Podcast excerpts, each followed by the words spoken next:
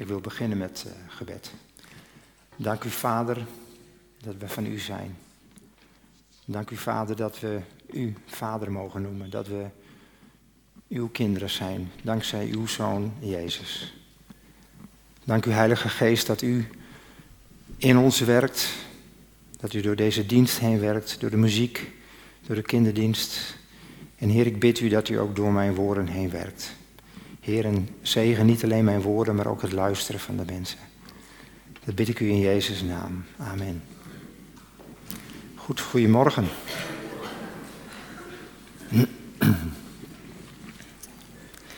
Het is bijna vakantie. Tenminste, ik werk in het hoger onderwijs en ik heb al vakantie. Ja. En uh, vakantie is wat mij betreft altijd een tijd van ontmoeten. Als je op vakantie gaat, dan uh, kom je mensen tegen. Kom je nieuwe mensen tegen. Je reist, je bent onderweg. En dat uh, leidt soms tot hele mooie ontmoetingen. En ontmoetingen kunnen soms heel bepalend zijn voor je leven. Ontmoetingen kunnen je veranderen. Zo hebben Riemke en ik een aantal jaren geleden bijvoorbeeld een jonge man in Oeganda ontmoet. En dat heeft ons leven eigenlijk helemaal op de kop gezet. En uh, we hebben daardoor, door die ontmoeting, kennis, kennis gemaakt met een dorp uh, in Oeganda. Daar ook weer mensen ontmoet. Mensen die in extreme armoede leven. En eindelijk na twee, twee jaar uitstel hopen wij, en dat is ook wel een gebedspunt, dus mocht je van de week nog eens tijd en ruimte hebben voor gebed. Wij hopen volgende week rond deze tijd op Schiphol te zijn en dan over drie kwartier richting Oeganda te vertrekken. Het zou in 2020, het zou in 2021. Laat het alsjeblieft gebeuren dat het nu in 2022 wel doorgaat, zodat we daar weer mensen kunnen ontmoeten. Goed, ontmoetingen. Ik wil met jullie uh, stilstaan bij het verhaal, de gebeurtenis, de geschiedenis van de ontmoeting van Jezus met de Samaritaanse vrouw. Het is een bekend verhaal. Het is het langste, las ik ergens, het langste één op één dialoog eigenlijk in het Nieuwe Testament. Dus dat is wel bijzonder. Dus een, een behoorlijk lang gesprek tussen Jezus en deze vrouw. Uh, en ik ga het een beetje anders doen. Ik lees een heel klein stukje uit Johannes 4. Dat leidt even het stukje in. En dan ga ik vervolgens eigenlijk vanuit de positie van de vrouw. Dus dan doe ik alsof ik de vrouw ben. Uh, ga ik jullie meenemen in die ontmoeting. En daarna wil ik graag stilstaan bij wat de ontmoeting met Jezus kan doen in ons leven.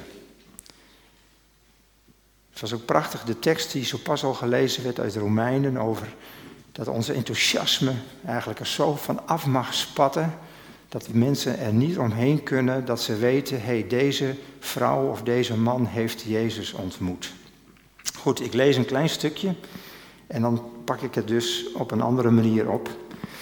In Johannes 4 staat, toen Jezus hoorde dat aan de fariseeën verteld werd dat hij meer leerlingen maakte en er ook meer doopte dan Johannes, Jezus doopte overigens niet zelf, zijn leerlingen deden dat, verliet hij Judea en ging weer naar Galilea. Daarvoor moest hij door Samaria heen. En zo kwam hij bij een Samaritaanse stad, Sigar, dicht bij het stuk grond dat Jacob aan zijn zoon Jozef gegeven had, waar de Jacobsbron is. En Jezus was vermoeid van de reis en ging bij de bron zitten. Het was rond het middaguur.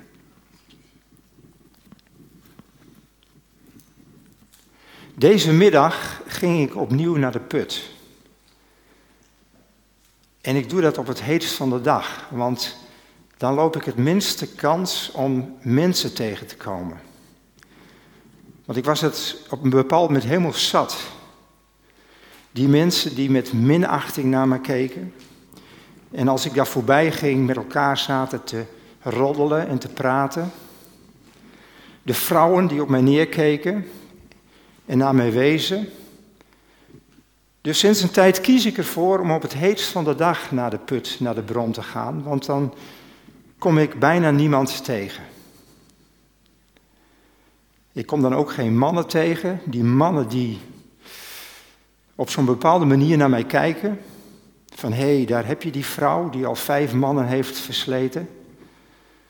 Van die mannen die keurig getrouwd, hun gezinnetje, kinderen op mij neerkijken, hoofdschuddend me nakijken. Maar misschien s'avonds wel in hun fantasie van alles bij mij bedenken. Dus ik was het helemaal zat, want ik heb het ook eigenlijk helemaal gehad met mannen.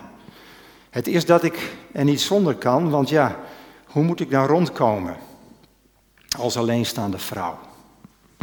En zo loop ik dus naar die put, de bron van Jacob. En tot mijn schrik zit daar iemand, een man. En niet zomaar een man, een Joodse man. En met Joodse mannen, daar heb ik al helemaal niks mee, want die Joodse mannen die, ja, die vinden wat van ons. Samaritanen, ze vinden ons eigenlijk bastaards. Ze vinden ons eigenlijk halve heidenen. Ze vinden ons eigenlijk maar niks. En nu zit daar zo'n Joodse man. En wat doet die man daar? Want de mannen, ja, wat moet ik nu? Mannen mogen niet eens praten met vrouwen. Maar goed, ik ga toch maar doorlopen. Ik ga maar putten, water putten. En dan ineens vraagt die man die er wat vermoeid, maar toch ook wel vriendelijk uitziet, vraagt aan mij, geef mij wat te drinken. Ik kan mijn verbazing niet voor me houden. Hoe kunt u als Jood mij te drinken vragen? Joden gaan toch niet om met Samaritanen? Hij kijkt me aan en zijn ogen zijn oprecht en vol liefde. En op een manier raken ze me diep. Ik heb jou om water gevraagd, maar jij weet niet wie ik ben. Je weet niet wat God aan de mensen wil geven. Want als je dat wel geweten had, dan had je mij om water gevraagd. En dan had ik je water gegeven dat eeuwig leven geeft. Deze man verwart me. Hij spreekt woorden die op een of andere manier indrukwekkend zijn, die levend zijn. Ja, maar je hebt niet eens een immer. Hoe wil je in vredesnaam water putten? Weet deze man eigenlijk wel hoe diep deze put van onze voorvader Jacob is? Iedereen die water uit deze put drinkt, zal weer dorst krijgen, zegt hij met een liefdevolle blik. Maar als je drinkt van het water dat ik geef, krijg je nooit weer dorst. Want het water dat ik geef blijft altijd in je. En het geeft je eeuwig leven. Zijn woorden schieten dwars door mijn masker van schaamte, van angst, maar ook van onverschilligheid heen. Deze man kent mijn diepste dorst. Deze man kent mijn honger naar erkenning, naar liefde. Geef mij dat water, Heer, schreeuw ik het uit. Geef mij dat levende water en ik zal nooit meer dorst krijgen. En dan zegt hij ineens, ga eerst je man halen en kom dan terug. Even twijfel ik of ik hem zal voorliggen. Ik kan natuurlijk zeggen dat mijn man verhinderd is. Maar waarom zou ik deze man voorliegen? Waarom zou ik niet de waarheid spreken over wie ik ben en wat mijn geschiedenis is? Weet je, het lukt mij domweg niet om in, in, de, in het bijzijn van deze man te liegen. En ik vertel hem dat ik geen man heb. En tot mijn verbazing weet hij dat ik vijf mannen gehad heb en de man waarmee ik nu samenleef, dat het niet mijn man is. Deze man moet wel een profeet zijn. Hij weet wie ik ben en hij kent mijn pijnlijke waarheid. En toch spreekt hij met me. Ik probeer het gesprek wat op een ander onderwerp te brengen. En dan zijn religieuze thema's altijd wel handig. Ik vraag aan hem van, waar kunnen wij het beste aanbidden? Op de berg Gerizim of in Jeruzalem? En zijn antwoord verrast me. Hij vertelt dat er een tijd komt dat we nog in Jeruzalem, nog op de berg Gerizim zullen aanbidden. Maar dat we zullen aanbidden in geest en in waarheid. En hij spreekt over de tijd van de Messias. Een tijd waarin het niet meer van belang is waar je God aanbidt, maar dat het van belang is dat je Hem in je eigen hart en in je eigen geest in oprechte waarheid zult aanbidden. Ons hart is dan de plaats van aanbidding. In ons leven is een levend offer. En dan ineens zegt hij dat hij de Messias is. En dat die tijd van aanbidding in geest en in waarheid nu al is aangebroken. En op dat moment zie ik andere mannen aankomen en ze kijken hem vragend aan. Ze zien natuurlijk dat hij met mij in gesprek is. En op dat moment ga ik naar het dorp. Nu niet meer gebukt onder schuldgevoel of onder schaamte over mijn verleden of, of moeite over mijn heden. Nee, ik loop met opgeheven hoofd terug. Met een hart vol vreugde en enthousiasme. En ik vertel de mensen in mijn dorp over mijn ontmoeting met deze bijzondere man. En op een of andere manier doe ik dat met zoveel enthousiasme dat de mensen niet meer naar mijn buitenkant kijken, niet meer last hebben van mijn bedenkelijke reputatie, maar dat ze iets van die ontmoeting, van die vreugde zien. En ze raken zo enthousiast van mijn verhaal, dat ze teruggaan, dat ze ook naar hem toe gaan en dat ze hem uitnodigen. En uiteindelijk is hij twee dagen in ons dorp gebleven. En weet je, ons dorp is radicaal veranderd. Door die ene ontmoeting is alles veranderd. Voor mij, maar ook voor de mensen in het dorp. Goed. Ik ben begonnen met het verhaal vanuit de positie van de vrouw te vertellen, omdat ik geloof dat we ergens de roeping hebben om invloed te hebben op onze omgeving. Dat we als het ware cultuurveranderaars mogen zijn. In het Engels hebben ze een mooie term, change agents. Dus dat we eigenlijk geroepen zijn om verandering te brengen, maar dat die verandering komt doordat wij een ontmoeting hebben gehad met Jezus. En die ontmoeting met Jezus, die zet alles op zijn kop. Ontmoetingen hebben een grote invloed op wie wij zijn.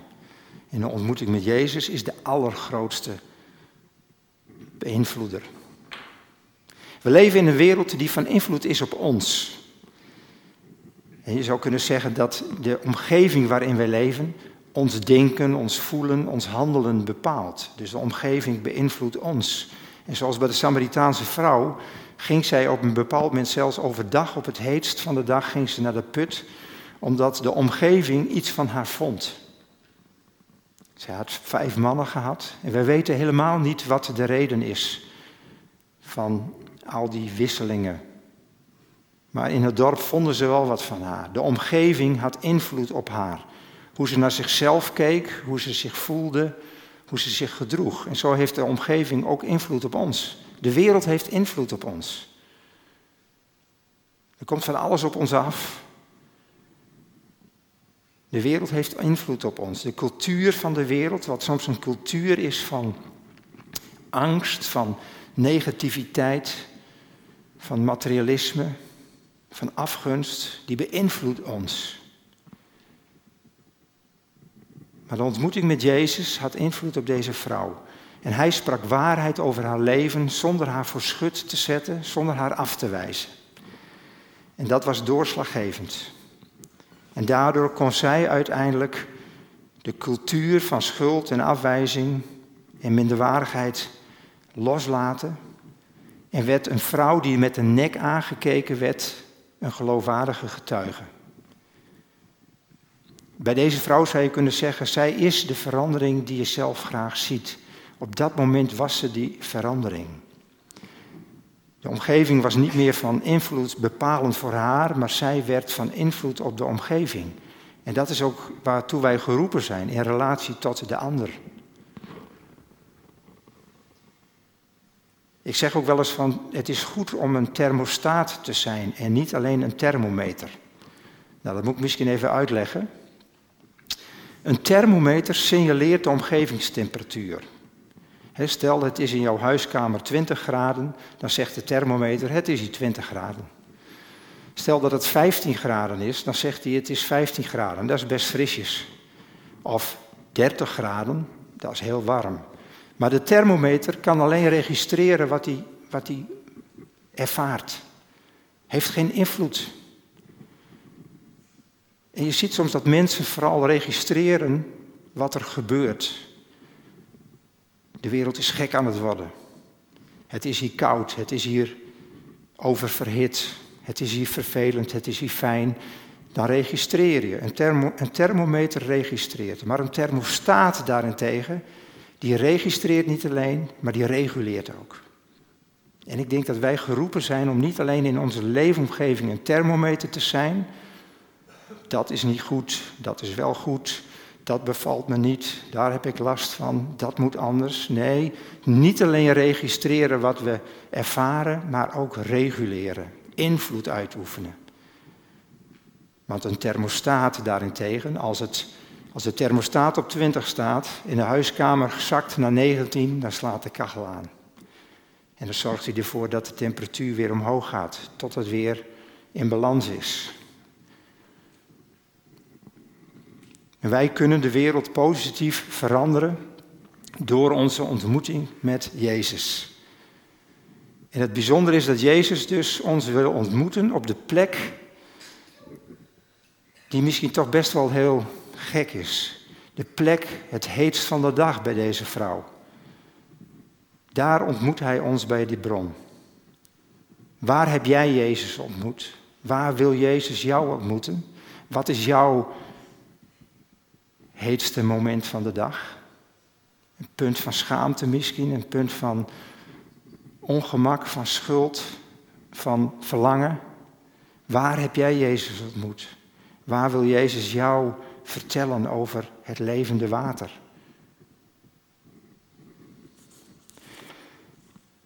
Heel kort even een stukje getuigenis van mij. Jaren geleden ontmoette ik Jezus op zo'n plek. Het is inmiddels alweer een jaar of zeven geleden. Maar op een bepaald moment werd ik ziek. Ik was grieperig. En ik dacht van nou, maar even uitzieken. Dan eh, gaat het wel weer over. Maar de koorts ging over. Maar ik bleef heel erg moe en lusteloos en somber. En eh, had steeds een heel kort lontje. En uiteindelijk kwam ik eigenlijk na een paar weken tot de conclusie dat ik overbelast was. Of burn-out of hoe je dat ook mag noemen. En dat was eigenlijk best beschamend. Want ik was in die tijd naast docent ook nog coach en hulpverlener en ik begeleide zelfs mensen met burn-out klachten. En dan ben je dus een coach die mensen begeleidt met burn-out klachten en dan ga je zelf onderuit. Beschamend. Hoe kon dat nou? Ik sprak in bijeenkomsten over hoe goed het is dat we onze identiteit niet laten afhangen van wat we allemaal doen. want we zijn immers human beings en geen human doings. En toch was ik zo drukdoende dat ik zelf onderuit ging. Dat is toch wel beschamend. Dat is zo'n heetst van de dag moment. En ik merkte dat eigenlijk in mijn werk, er een cultuur was ontstaan van achterdocht, van negativiteit, van roddel, van zij en wij. En dat was, dat was vervelend. En dat was een, een cultuur dus van angst en een cultuur van negativiteit. Maar het is zoals een schip in de storm. Zolang dat om je heen blijft, dan is het nog tot daar aan toe als een schip in de storm zit, zolang de golven zeg maar om het schip zijn, dan is er wel een hoop deining en een hoop gedoe, maar dan blijft het schip nog drijven. Maar op het moment dat het naar binnen glipt, op het moment dat de storm het schip inloopt, op het moment dat de cultuur van negativiteit en van angst naar binnen zijpelt, wordt het giftig. En ik had het binnengelaten. Ik leefde niet in een alleen in een omgeving van negativiteit, maar ik was zelf ook negatief geworden. En somber en achterdochtig. En op dat moment, als een schip volloopt, dan gaat het kapseizen. En dat dreigde te zinken. En ik riep het eigenlijk uit op dat moment, oh Jezus. Jezus, ja, want ik voelde me eigenlijk als die discipelen op dat bootje en dat de Heer ligt te slapen. Oh Heer, word wakker. En ik zei eigenlijk, Jezus, Jezus, ik kom er niet meer uit. Ik kom er echt niet meer uit. Wilt u er alsjeblieft inkomen? En hij kwam erin. Hij kwam erin. En ik mocht hem op dat moment ontmoeten. En het mooie is, ik weet niet of jullie dat kennen, er worden wel eens schepen zeg maar, die gezonken zijn, worden weer omhoog gebracht doordat ze er grote luchtdingen, soort, soort airbags instoppen. En dan drijft het schip weer naar boven. Nou, zo had ik het gevoel, doordat Jezus weer in mij kwam, in mijn hart kwam, dat ik weer, weer bleef drijven. Dat ik weer boven kwam en dat ik niet verder zonk. En gelukkig is dit een heel aantal jaren geleden. En inmiddels ben ik weer alweer jaren aan het werk en doe ik dat ook met enthousiasme en is het goed gegaan. Maar het heeft mij wel, ik heb wel onthouden dat het belangrijk is om dus goed te beseffen wat laat je binnenkomen en wat laat je niet binnenkomen. En ik deel mijn verhaal met jullie omdat ik ervan overtuigd ben dat ik niet de enige ben die last heeft van de wereld om zich heen of om haar heen. Ik denk dat hier ook mensen zitten die last hebben van de wereld om je heen. Soms dan vast ik echt bewust van media, omdat ik echt denk van ja, hoeveel negativiteit kun je hebben? En dat je denkt, nou maar even niet. En ik denk dat die vrouw, die had dat ook. En die vrouw die merkte ook van hoe de wereld invloed op haar had. Maar uiteindelijk merkte ze ook dat de ontmoeting met Jezus de cultuur van haar hart veranderde. Van minderwaardigheid, van schaamte. En dat ze uiteindelijk zo enthousiast was dat de mensen zeiden van ja, wij geloven nu niet meer omdat jij dit verteld hebt, maar wij hebben hem zelf gezien. Dus uiteindelijk werd zij een geloofwaardige getuige. Zij werd een bron van zegen. Zoals Willem vorige week ook zei. Een bron van zegen. En ondanks de cultuur ondanks het feit dat mannen niet met vrouwen spraken in die tijd, dat een Jood niet met een Samaritaan sprak, ondanks de botsing van die culturen, zegt Jezus van ik wil jou ontmoeten, dwars door alles heen. En Jezus verandert de cultuur van ons hart. Als Jezus in ons hart komt, dan verandert het. En dan zullen wij veranderen, van binnenuit. En dan wil ik zo meteen nog even een aantal punten noemen, hoe wij dan kunnen veranderen. Hoe wij dan zichtbaar kunnen worden, hoe wij dan ja, licht kunnen zijn, lichtende voorbeelden. En dan niet omdat we zo perfect zijn, hè, dat vind ik het mooie in dit verhaal. Als ik Jezus was geweest, dan had ik misschien wel even nagedacht over het feit van, moet ik nou deze vrouw kiezen om geloofwaardige getuige te zijn in dat dorp? Ja, deze vrouw. Hoe kunnen wij handen en voeten geven aan die ontmoeting met Jezus? Ik merk dat er vaak wel wat een karikatuur bestaat over gelovigen, over christenen. En dat, hebben we niet, dat is niet altijd ondanks onszelf. Of moet ik dat zeggen? Dat, dat hebben we soms ook wel een beetje aan onszelf te danken. Soms ontdek ik dat in een gesprek met een niet-gelovige, niet-christelijke collega. En dan zegt hij bijvoorbeeld al heel snel van, ja dat mag zeker niet van jouw geloof. Of van jouw Bijbel, of van jouw kerk. Dus het idee ontstaat dan dat christenen heel veel dingen niet mogen. Of dat ze heel veel dingen moeten. Terwijl Jezus juist waarheid spreekt, vrijheid spreekt, liefde spreekt. Maar goed, we hebben dat soms ook wel eens wat aan onszelf te denken. Terwijl Paulus bijvoorbeeld in de tweede Corinthiësbrief spreekt over dat we een liefelijke geur mogen zijn. Een aangename geur. Nou zijn wij een aangename geur. Wat is het effect, wat kan het effect zijn van een ontmoeting met Jezus? En niet als voorwaarde. En dat vind ik het mooie. Jezus zegt niet eerst van hé, hey, je moet enthousiast zijn, je moet dit doen, je moet dat doen. En dan accepteer ik je. Nee, De verandering is geen voorwaarde, maar is een effect, is het gevolg van onze ontmoeting.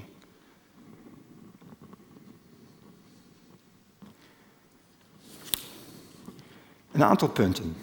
Er is eens een keer een onderzoek gedaan waarin gezegd werd van wat maakt christenen geloofwaardig?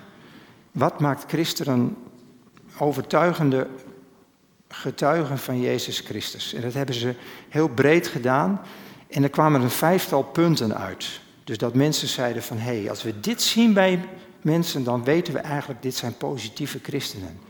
Ik las van de week in het Vies Dagblad dat de, kerk van de, of de tijd van de invloed van de kerk eigenlijk voorbij is. Wij zijn niet meer zo relevant. Maar de invloed van individuele gelovigen als een soort influencers is veel groter. Dus de kerk als instituut heeft niet zoveel effect op de samenleving. Maar als wij geloofwaardige getuigen zijn, jij, jij en ik, dan hebben we invloed. Nou, en uit het onderzoek bleek een aantal zaken, een vijftal punten. Daar wil ik eigenlijk mee afronden. Een vijftal punten die opvallend zijn bij enthousiaste, geloofwaardige christenen, gelovigen die een ontmoeting hebben gehad met Jezus. Ten eerste, je voelt je uitgedaagd. Je voelt je uitgedaagd als je geconfronteerd wordt met onrecht. Als je in oog in oog staat met zonde. Je voelt je uitgedaagd. Je irriteert je niet. Je hebt niet direct in eerste instantie verontwaardiging of boosheid. Nee, je voelt je uitgedaagd om een licht te zijn. Nou, daar werd zo pas ook al in het lied over gezongen. Een licht te zijn. Nou, één lichtje maakt al een enorm verschil in de duisternis. Eén klein lichtje maakt het verschil tussen zien en niet zien. En christenen die zich uitgedaagd voelen, die ergeren zich niet, die verwonderen zich slechts. En het licht van Jezus maakt dat wij ons kunnen verwonderen in plaats van ergeren. En dat we onze betrokkenheid kunnen tonen in plaats van afkeuring. Dat wij moed kunnen tonen in plaats van gemak. En moed, daar werd zo pas ook al over gesproken, moed. Moed is niet de afwezigheid van angst. Moed is ook niet dat je niks doet. Nee, moed betekent dat je bewust bent van, van je angst en dat je toch handelt. Dat is moed. Kijk, als je nooit bang bent, heb je geen moed nodig. Dat is moed. En tegelijkertijd is er soms moed voor nodig om goed te doen. Een tijd terug sprak ik eens een keer met iemand en die zei van ik heb het echt op mijn hart om iets voor vluchtelingen te gaan doen. Maar hij zei eigenlijk ga ik het stiekem doen. Ik zei hoezo stiekem? Nou, hij zei ik ben bang voor de afkeuring van mijn familie. Die dan zeggen, nou, ga jij die mensen helpen? Die gelukzoekers? Die komen hier alleen maar omdat ze het beter willen hebben. Dus hij ging stiekem goed doen. Dat is toch treurig, hè? Dat je als je het op het hart hebt om kwetsbare mensen te helpen, dat je dat dan maar stiekem doet, omdat je bang bent voor de afkeuring van je familie of van je omgeving. Maar uiteindelijk zal God niet vragen wat anderen van ons vinden, maar hij zal vragen en hij zal zeggen, ons vertellen hoeveel er van zijn zoon Jezus zichtbaar geworden is in ons leven. Ten tweede, je bent creatief en geen surpiet.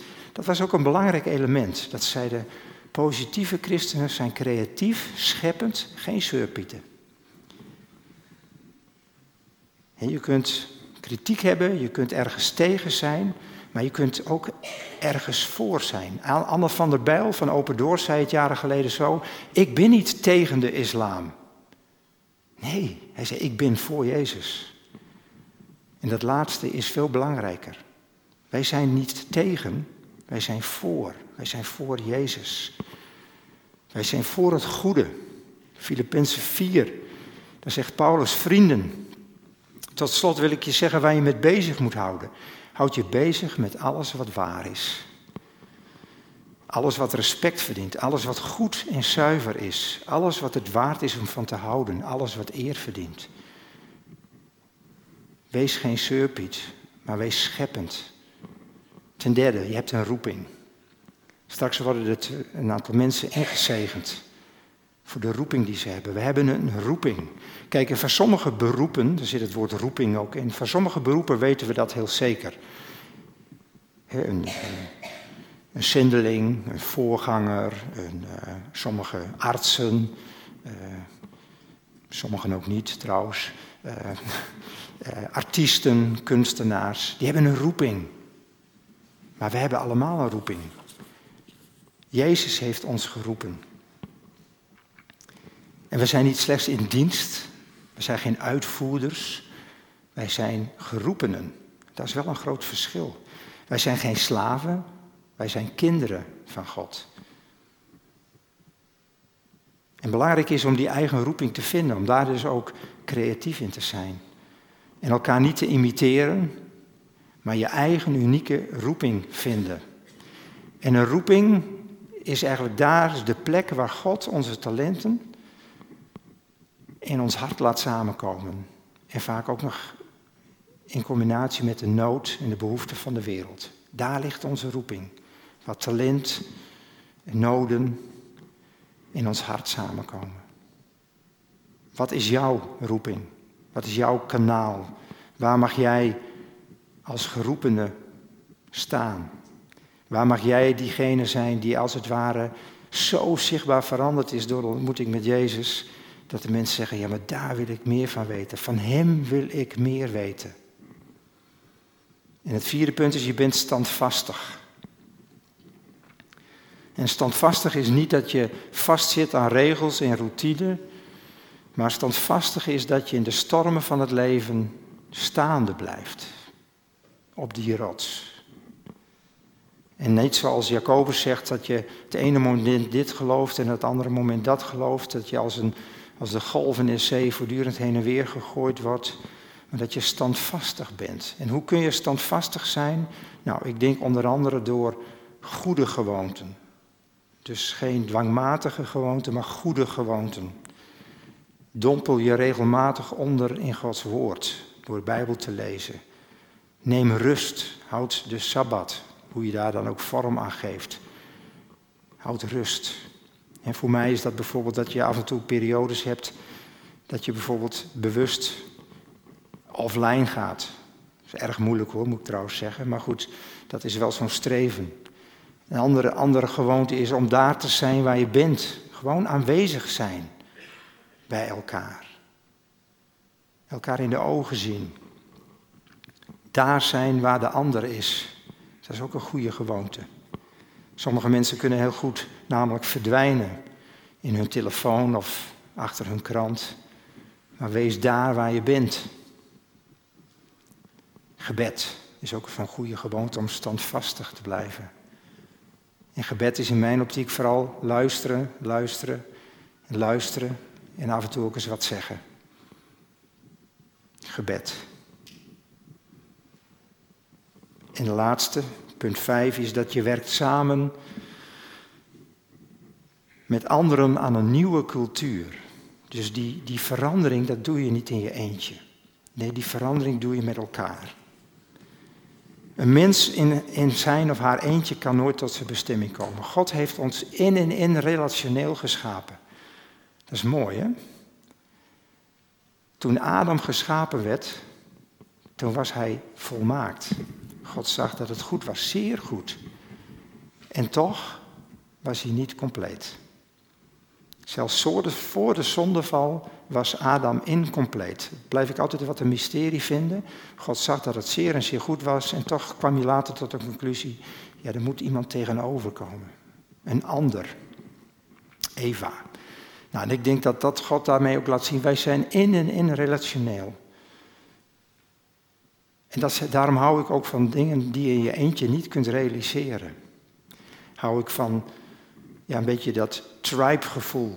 Dus dat, dat bij elkaar horen als groep. Ik ben zelf actief bij de Vierde Musketier. Ik spreek ook wel avonden van de Noordermannen.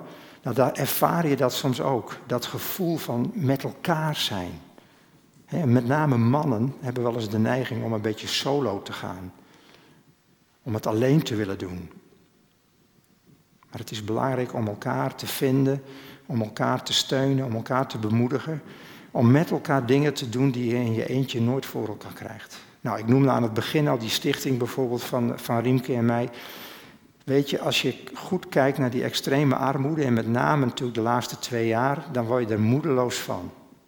Een paar jaar geleden leek het eigenlijk wereldwijd qua extreme armoede best wel de goede kant uit te gaan. Maar als je ziet wat, het, wat die coronapandemie voor effect heeft gehad. En nu ook die oorlogssituatie in Oekraïne. En dan worden steeds weer de meest kwetsbaren het hardst geraakt. Kinderen, mensen die al op het randje van extreme armoede leven, zakken er nu onder. Zakken door de bodem van het bestaan. En dan denk je, oh, wat moet je daar in vredesnaam aan doen? En denk ik, dit kan ik toch niet alleen? Nee, dit kunnen we ook niet alleen, maar met elkaar wel. En er is dan zo'n mooie uitspraak, alleen ga je snel, maar samen kom je verder. Veel verder. Kortom, onze ontmoeting met Jezus en de ontmoeting van die vrouw met Jezus verandert onze innerlijke cultuur, de cultuur van ons hart. En daardoor kunnen wij een verandering zijn in de omgeving waarin we leven. En wat zou het mooi zijn als mensen na een ontmoeting met jou en met mij zouden zeggen van hé, hey, hij voelt zich uitgedaagd en niet verontwaardigd. Ze is een schepper, ze is creatief, geen surpiet. Ze weten zich geroepen en ze zijn niet alleen maar in dienst van. Ze zijn standvastig, niet wispelturig. Ze leven in gemeenschap, niet op zichzelf. Ze vormen een tegencultuur en ze proberen niet alleen maar relevant te zijn. Nee, een tegencultuur. Lieve mensen, Jezus wil ons steeds weer ontmoeten bij de bron. Hij geeft ons levend water dat in ons als een bron zal ontspringen en ook zal overvloeien naar anderen toe. Hij spreekt ons aan en roept ons op om cultuurveranderaars te zijn. In relatie met de wereld om ons heen, om, om verandering te brengen. Wees de verandering die je zelf graag ziet. In relatie tot je partner, je echtgenoten, je kinderen, je buren, je collega's. Wees de verandering die je zelf graag ziet. En dat kunnen we omdat we Jezus hebben ontmoet. We hebben een prachtige roeping. Ik wil jullie vragen om uh, ja, misschien wel even te gaan staan, voor zover je dat kunt. Als je dat wilt. Om te gaan staan en als het ware naar de bron te gaan waar we Jezus mogen ontmoeten. O Heer Jezus, we danken u voor uw ontmoeting. We danken u, Heer, dat u zo dicht bij ons wil komen. Heer, en dat u ons aanraakt, dat u onze waarheid vertelt in liefde. Heer, dat u de waarheid van ons leven kent en ons toch niet voor schut zet, maar ons met liefde aanraakt. Heer, en help ons om de cultuur van ons hart, als dat een cultuur is van somberheid of van negativiteit, of een cultuur van angst, van twijfel.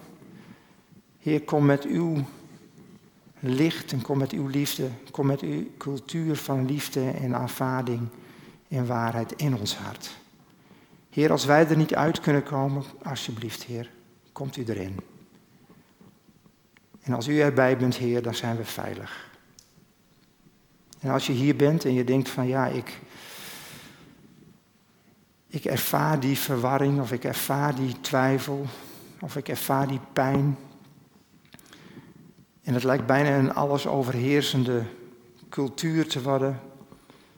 Open je handen leg je hand op je hart en zeg, ja Jezus, ik wil u ontmoeten bij de bron. Ja Heer Jezus, ik wil zo graag dat levende water van u ontvangen. Heer, u kent mijn dorst. U kent mijn angst. U kent mijn schaamte. Heer, en ik wil het allemaal inruilen voor uw vreugde, voor uw vrede, voor uw liefde. Weet dat Jezus je zo zegent. Dat Jezus je zo aanraakt. En dat je straks weer op weg mag gaan bij de bron vandaan, maar dat je vol bent met levend water. En dat op de plek waar jij zult zijn, thuis of op vakantie of op je werk, dat je zult overvloeien. En dat mensen zullen zeggen, wat, wat is dat toch met haar, met hem? Waar komt die vreugde toch vandaan? En dat je kunt zeggen, Jezus, Jezus, Hij is de bron van ons bestaan. Amen.